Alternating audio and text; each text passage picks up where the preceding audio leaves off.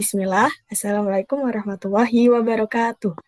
Halo teman-teman, kembali lagi dalam serial cerita kita di podcast Moral Talks atau Muslim Agricultural Technology Talks. Pada episode kali ini, kita akan mendengarkan cerita dari seorang mahasiswa sekaligus seorang santri. Beliau juga merupakan Kepala Biro Khusus Tahsin dan Mentoring atau BKTM KMMTP. Beliau biasa dipanggil Mbak Nana. Daripada semakin penasaran, langsung aja yuk kita sapa Mbak Nana. Assalamualaikum Mbak Nana. Waalaikumsalam warahmatullahi wabarakatuh. Halo. Halo. Oh ya, gimana nih kabar Mbak Nana hari ini?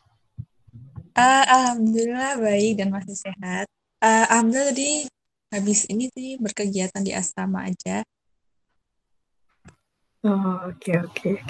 Oh ya, Mbak Nana, boleh nih memperkenalkan dirinya dulu supaya teman-teman yang mendengarkan podcast ini juga bisa lebih kenal Mbak Nana. Oh ya, oke. Okay. Langsung ya sekarang ya? Ya, betul. Ya, perkenalkan ya, nama Mbak Mal atau Jana Yusayanti, biasa dipanggil Nana. Uh, Mbak dari jurusan TPHP angkatan 2018, sekarang semester 6. Iya, Masya Allah. Salam kenal Mbak Nana. Iya. Kan eh, tadi Mbak Nana bilang ya Mbak Nana udah di semester 6 nih. Kesibukannya sekarang apa aja tuh Mbak? Hmm, kesibukan sekarang tuh uh, KKN. Hmm. Uh, terus uh, sebenarnya belum magang juga sih, walaupun secara umumnya memang di semester 6 itu harusnya udah selesai magang, tapi Mbak kemarin belum dapat tempat magang, jadi ini masih sibuk persiapan magang gitu. Tapi yang paling deket-deket sih uh, ini KKN. Terus sama uh, persiapan buat skripsian sih itu aja. Yang lagi hektik. Wah masya allah kegiatannya banyak banget itu. Semangat ya mbak Nana. Iya semangat juga ya buat kalian. Oke. Okay. uh, eh, selain itu ada nggak sih mbak sekarang tuh kegiatan uh, kayak organisasi gitu ikut apa aja gitu Ah ya, kalau organisasi itu Mbak cuma ikut KMMTP karena memang uh, apa ya, Mbak merasa passion Mbak tuh di situ. Jadi uh, jadi selama uh, 6 semester ini nggak tertarik buat saya masuk ke organisasi yang lain, misalnya BEM atau atau apa KMTPHP kayak gitu. Belum belum tertarik aja sih. Sama kalau amanah yang lainnya ada sih, tapi bukan organisasi. Walah, oke okay, oke okay, Mbak. Uh, tadi kan aku sempat nyinggung tuh Mbak di awal, kalau Mbak Nana ini uh, ketua, kepala BKTM gitu, BKTM di, KKM, di KMMTP. Boleh tahu nggak tuh Mbak, kenapa bisa jadi kepala BKTM? Ya, kenapa ya? Uh, jadi um, mungkin karena karena ya kepala biro yang pertama Mas Faris itu memang kenal deket sama Mbak. Ya kita biasa ngobrol gitu ya. Karena memang awalnya BKTM itu ada karena ini uh, keingin seriusan uh, kayak orang-orang yang misalnya kayak Mbak Mas Yoga uh, Mbak Ririn juga Mbak Dila waktu itu sama Mas Fa Mas Faris enggak sih Nah, itu tuh ingin konsen uh, ada kan ada Flora ya. Flora itu tahsinnya di FTP.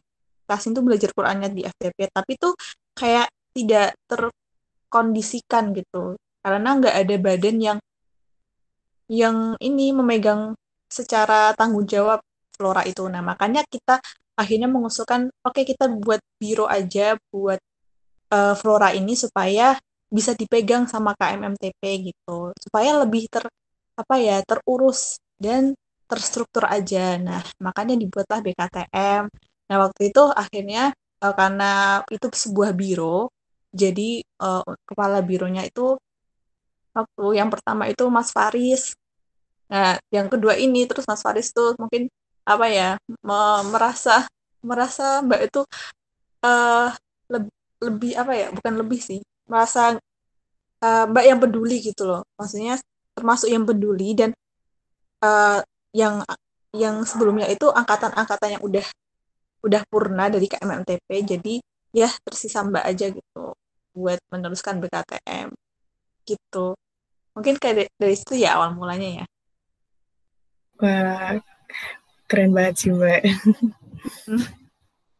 terus hmm, sebelum jadi kepala BKTM Mbak Nana di KMMTP dari departemen apa Mbak? Dari departemen jaringan. Oh jaringan ya dulu di jaringan uh, awal mulanya jadi anggota terus tahun kedua jadi kader ya itu ya uh, habis itu di BKTM deh gitu. Wih, mantap mantap. Terus ini mulai di topik inti nih mbak. Kan tadi di awal tuh aku juga sempat nyinggung uh, kalau mbak Nana ini mahasiswa juga sekaligus santri gitu. Nah, itu alasan Mbak Nana memilih jadi mahasantri itu kenapa tuh Mbak? Uh, awalnya ya, awalnya itu sebenarnya Mbak nggak nggak kepikiran memiliki status santri. Mbak cuma niatnya ingin belajar aja, belajar Al-Quran. Waktu itu, uh, ini agak flashback ya, uh, perjalanan, apa ya, perjalanan mungkin ya, perjalanan spiritualnya Mbak uh, ketika mulai merasa ada keterikatan ingin dekat sama Al-Quran di kelas 2 SMA itu uh, udah muncul tuh kok kayaknya aku suka ya uh, belajar apa baca Al-Quran lebih sering terus uh, mulai menghafal dari dari situ uh, Mbak mulai menghafal secara otodidak gitu. Nah uh, lalu habis itu uh, Mbak ini uh, pergi ke apa kenal sama masjid namanya Masjid Nurul Asri itu kan memiliki kegiatan kajian yang rutin. Nah, di situ Mbak termasuk orang yang suka gitu datang ke sana buat ikut kajian. Nah, di lingkup Masjid Nurul Asri itu ada rumah tahfidz namanya Sahabatku atau ya dulu namanya cuma rumah tahfidz rumah tahfidzku gitu. Nah, terus di situ tuh punya program, program tahsin. Terus uh, program tahsinnya itu yang apa ya, yang kayak les gitu loh. Jadi orang datang terus nanti cuma dua jam atau satu setengah jam gitu. Habis itu nanti selesai gitu. Tiap seminggu bisa dua kali gitu jadwalnya. Nah, dari situ uh, Mbak dengar dari program itu ternyata ada yang uh, pro apa ya, ada program yang dia itu memang menginap. Jadi seperti orang nyantri gitu. Oh uh, jadi kayak ada rasa tertarik gitu loh. Pengen kayaknya nggak cukup kalau cuma nge belajar ngeles ngeles maksudnya kayak les-lesan kayak gini. Maksudnya mbak ingin sesuatu yang lebih intens gitu. Nah makanya ketika itu uh, udah kelas 3 SMA kan baru bisa daftar ya. Nah mbak daftar tuh pas belum lulus itu masih uh, bulan Februari habis ujian kok ya terus pembukaan uh, santri ya udah mbak daftar aja gitu. Nah dari situ uh, ya udah kehidupan mbak sebagai santri dimulai gitu. Nah itu tahun 2017 kayak gitu ya udah sampai sekarang mbak masih berstatus santri tapi di pesantren yang berbeda itu Berarti Mbak Nana itu udah jadi santri sebelum kuliah ya Mbak? Sebelum jadi mahasiswa? Iya, sebelum jadi mahasiswa. Masya Allah, keren. Itu kan tadi Mbak Nana bilang udah ganti apa pesantren gitu. Sekarang mm. mana tuh Mbak? Sekarang Mbak di pesantren khusus mahasiswi, jadi khusus hmm. perempuan, itu namanya Darus Solihat. Uh, ada juga uh, cutting 2017 Mbak Nida namanya di sini juga bareng Mbak. Wah keren. Itu mulai di apa di Darussolihat itu sejak kapan tuh Mbak? Sejak mahasiswa atau gimana? Uh, sejak kan di sahabatku itu Mbak itu belum kuliah ya 2017 itu Mbak belum dapat uh, eh, PTN jadi Mbak baru masuk baru, keterima SBM itu tahun 2018 Nah, itu tuh jangka waktu di sahabatku waktu itu dua tahun. Jadi memang masa masa nyantrinya itu dua tahun. Nah, habis lulus itu 2019 Mbak langsung masuk ke Darus Solihat. Jadi dari 2019 sampai 2021 ini Mbak di Darus Solihat. Gitu. Dua tahun juga di Darus Solihat masa nyantrinya. Wah, oke oke. Itu dulu uh, pas maba gitu Mbak, kan udah jadi santri ya Mbak. Itu adaptasinya gimana tuh Mbak? Ya itu, um, sebenarnya menurut Mbak itu cukup apa ya kultur shock gitulah antara yang tadinya benar-benar gabut uh, selain ya apa ya bersama Al-Quran menghafal gitu mbak nggak ada kegiatan lain kan kecuali ya mungkin organ organisasi alumni.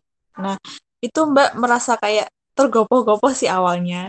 Kayak ada jadwal kumpul inilah kumpul buat PPSMB persiapan PPSMB uh, tiba-tiba buat ngurus-ngurus berkas-berkas ini buat masuk jadi mahasiswi kan gitu. Nah di situ mbak merasa kayak bener-bener uh, kegiatan pesantren itu uh, mbak mengalami kemunduran jujur karena mbak sering izin izin apa ya istilahnya izin halakoh izin setoran nah karena mbak pulangnya sore kan PPSMB itu. Terus kuliah juga ya masih uh, praktikum waktu udah udah ada praktikum semester satu. Jadi mm, mbak jujur merasakan kebubrahan dalam memanage waktu. Tapi apa ya mbak berusaha ya itu hal yang wajar ya mbak menerima itu hal yang wajar. Uh, tapi tetap uh, pada akhirnya setelah PPSMB selesai dan setelah dua minggu tiga minggu kuliah itu mbak mulai uh, mengatur jadwal gitu. Jadi uh, alhamdulillah normal kembali gitu setelah mengalami penyesuaian jadwal antara kuliah dengan pesantren kayak gitu. Berarti juga itu ya ada manajemen waktu juga itu. Boleh yeah. dong kasih tips-tipsnya ke kita gitu cara bagi waktunya Mbak Nana antara kuliah sama uh, di di pondok pesantren gitu. Oh iya, aduh gimana ya? Jujur sampai sekarang masih belajar buat memanage waktu karena ya gitu ya antara emang Mbak tuh tipe yang panikan sama ya uh, masih masih belum begitu pandai gitu membagi waktu. Nah, tapi yang menjadi patokan Mbak itu uh, ketika ada kesempatan untuk uh, untuk waktu untuk di pesantren ya udah dimaksimalkan gitu. Tapi ketika ada apa ya istilahnya kita itu membagi prioritas mana yang memang itu tuh mendesak dan urgent banget harus didahulukan maka uh, berusaha mengutamakan itu dulu. Jadi kita membaginya uh, ini yang apa sih itu pembagian empat uh, prioritas sama keutamaan itu loh, urgent sama mendesak, uh, urgent tapi tidak mendesak. Nah kayak gitu, Mbak Mbak mengelompokkan apa ya kesibukan Mbak dengan cara seperti itu gitu. Jadi kalau misalnya emang jadwalnya itu jadwal asrama tapi tapi ternyata ada tugas kuliah yang itu tuh urgent banget harus dikerjain dan mendesak. Jadi Mbak akan izin gitu. Nah, atau ada tugas kuliah tuh, tapi ternyata uh, kegiatan asrama yang ini lebih urgent dan mendesak dan hanya hari itu juga bisa diikuti. Ya udah, Mbak mendahulukan uh, apa namanya kegiatan asrama itu. Jadi di sini uh, gitu sih cara Mbak buat membagi kesibukan Mbak. Mana yang benar-benar mendesak dan harus didahulukan gitu. Tapi ya tetap apa ya tetap nggak lupa gitu tetap di di list aja mana yang harus yang nanti setelah ini dikerjakan dikerjakan kayak gitu wah makasih banget tuh caranya mbak iya terus suka duka mbak Nana jadi mahasantri itu apa aja tuh mbak? Suka duka? Ya yeah. duka uh, kalau menurut mbak di ini sih di jam jam keluar. Jam keluar uh, kan maksimal itu sebenarnya maksimal keluar itu kalau di pesantren yang dulu itu maksimal maghrib ya maghrib. Tapi sebenarnya kayak eh, pesantren itu masih bisa mentoleransi kalau memang ada kegiatan kuliah yang harus didahulukan dan nggak bisa ditinggal. Kayak gitu boleh izin. Cuma yang kalau misalnya hangout bareng temen diajaknya malam-malam atau kumpul malam-malam itu kan eh, nggak uh, mungkin banget gitu buat seorang santri. Karena ya memang wanita uh, baiknya memang nggak keluar malam-malam kan. Jadi ya itu salah satu apa ya salah satu apa ya edukasi buat diri mbak sendiri sebagai seorang muslimah supaya nggak membiasakan diri keluar malam-malam kayak gitu. Uh, lalu selain jam pulang itu ya di jam belajarnya gitu. Jadi kalau pesantren itu dia aktif mulai kegiatan itu ya malam setelah maghrib setelah isya eh, setelah maghrib. Nah kayak gitu kan udah sibuk sampai nanti jam 9 atau jam 10 buat kelas di pesantren ya di asrama. Kayak gitu. Nah nanti belajar kuliahnya kapan? Ya udah habis jam 10 itu. Jadi harus uh, mungkin ke, uh, biasa udah biasa lembur ya jam 12 tidur jam 12 atau jam 11 itu udah biasa. Jadi uh, ya udah belajar kuliahnya setelah kelas asrama kayak gitu itu sih suka dukanya ngelembur malam. Tapi kan udah wajar ya udah biasa ya buat mahasiswa gitu. Iya bener banget mbak. Hmm. oh ya mbak Nana ini kan uh, udah semester 6 ya mbak tadi bilangnya. Nah hmm. itu sempat kepikiran pindah kelu atau keluar dari itu nggak sih mbak pondok pesantren? Oh, kalau udah semester akhir ya, um, kalau Mbak sih nggak pernah kepikiran karena uh, niat awal Mbak itu memang apa ya, yang menyeimbangkan antara dunia dan akhirat. Uh, pesantren itu sangat Mbak butuhkan gitu. Kuliah pun juga Mbak butuhkan supaya Mbak apa ya, sebenarnya apa ya niat Mbak untuk kuliah itu nggak semata-mata ya udah biar kayak anak kuliahan lainnya gitu kuliah gitu. Tapi mbak tuh kenapa ingin kuliah? Uh, sebenarnya jujur mbak itu sangat sangat lebih mengutamakan pesantren gitu ya. Uh, dulu dulu. Karena menurut mbak itu ya ini yang mbak butuhkan gitu. Bahkan mbak waktu di 2018 itu mbak itu kepikiran mau SBM di bulan Januari beneran deh. Itu mbak bener-bener nggak kepikiran mau ikut SBM karena mbak mikirnya kayaknya aku belajar belajar kayak gini aja deh misalnya bahasa Arab belajar Al-Quran. Uh, atau mungkin nanti mbak masuk ke jurusan yang jurusan agama gitu.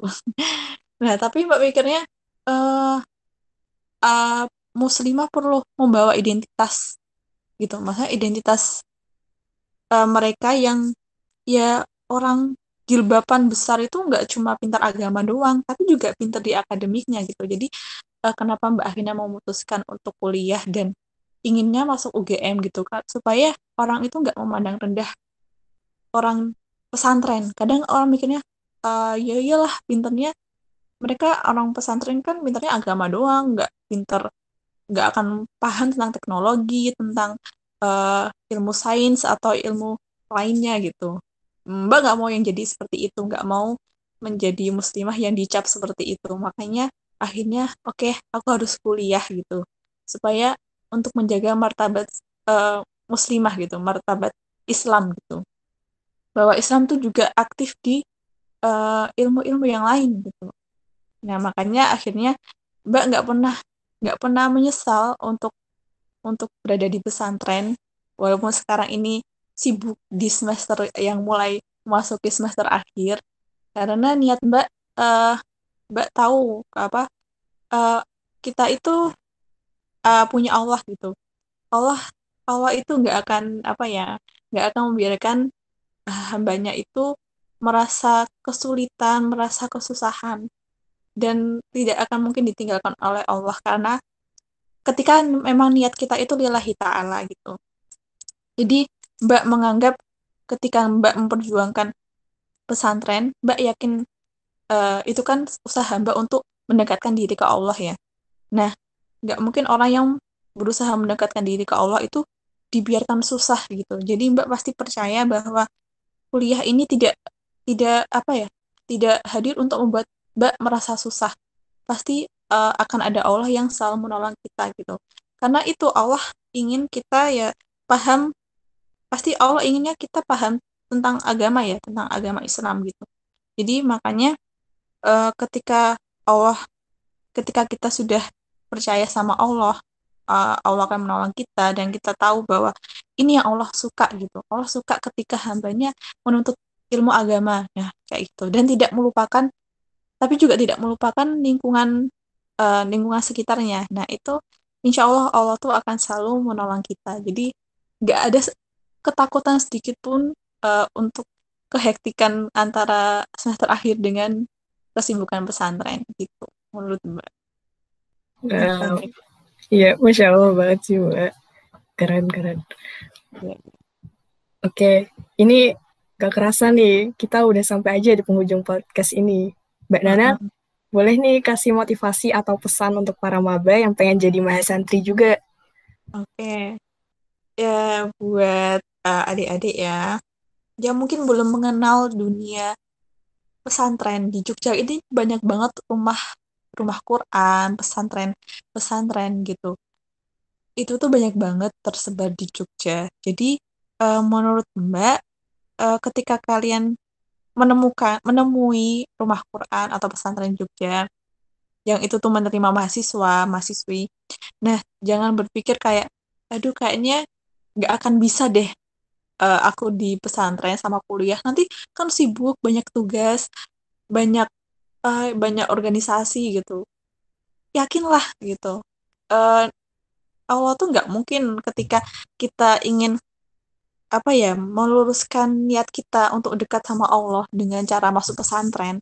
Nggak mungkin Allah itu meninggalkan hambanya gitu. Ketika kita berjalan Allah itu akan berlari gitu. Jadi uh, justru ketika kita uh, mulai belajar mendekati Allah dengan cara masuk pesantren, maka Allah itu akan melancarkan urusan dunia kita, dunia yang ya di mata Allah itu sangat kecil gitu.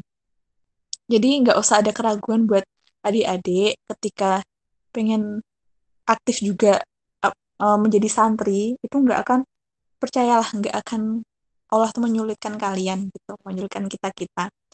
Justru Allah akan memudahkan jalan kita bahkan menjadi menjadikan uh, kuliah kita tuh lebih berkah karena di samping kita belajar kuliah yang uh, secara mungkin itu ya nggak nggak apa ya ilmu yang mungkin nggak fardu fardu ain banget. Karena ilmu yang fardu ain itu ilmu agama gitu. Nah ketika kita menyelaraskan antara dunia dan akhirat insya Allah dunia itu akan ikut gitu. Dan uh, Allah bahkan malah akan mengangkat derajat kita gitu. Jadi uh, percaya aja, intinya percaya sama Allah. Allah itu selalu ada buat kita dan gak akan pernah meninggalkan kita. Itu aja. Wah, pesan dan motivasinya luar biasa, Mbak. Makasih ya Mbak Nana udah berbagi pengalamannya menjadi mahasantri. Semoga Mbak Nana sehat selalu ya. Amin. Amin. Amin amin. Semoga kalian juga sehat-sehat ya. Ya, amin amin.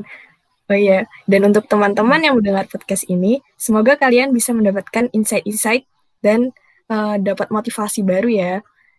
Jangan lupa untuk stay tune di serial podcast Moral Talks berikutnya. Saya sebagai host kali ini meminta maaf apabila banyak kekurangan. Bila hitaufiq wal hidayah. Wassalamualaikum warahmatullahi wabarakatuh.